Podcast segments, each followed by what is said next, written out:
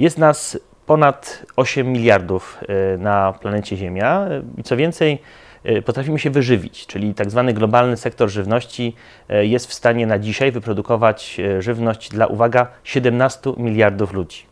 E, Czyli głód nam raczej nie grozi. Oczywiście pomijam te miejsca na świecie, gdzie e, mamy albo skorumpowane rządy, albo wojny, czy wojny domowe, jak wiem, Jemen, Sudan Południowy, Somalia czy Korea Północna. Natomiast pozostałych krajach świata, przypomnę, że jest ich 195, widma głodu nie ma. Właśnie dlatego, że ta przemysłowa produkcja żywności jest na tak wysokim poziomie. Kłopot jest inny.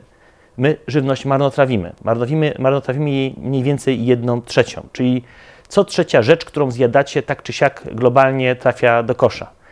I oczywiście to, co też warto pamiętać, że każda z wyprodukowanych y, rzeczy do zjedzenia, bez względu na to, czy to jest y, y, nutella, czy to jest bułka, czy to jest kawałek kiełbasy albo szczypiorek, kosztuje energię.